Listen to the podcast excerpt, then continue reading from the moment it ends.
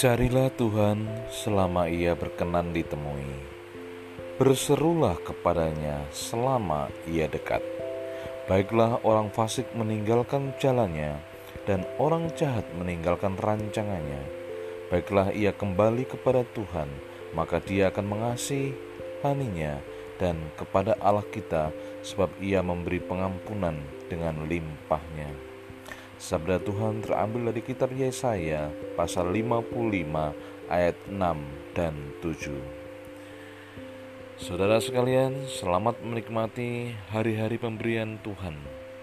Dalam suka dan duka, kita diberi kesempatan untuk menikmati kehidupan pemberiannya dan mari kita bersaksi tentang kebesarannya, tentang kemuliaannya, tentang kebaikannya.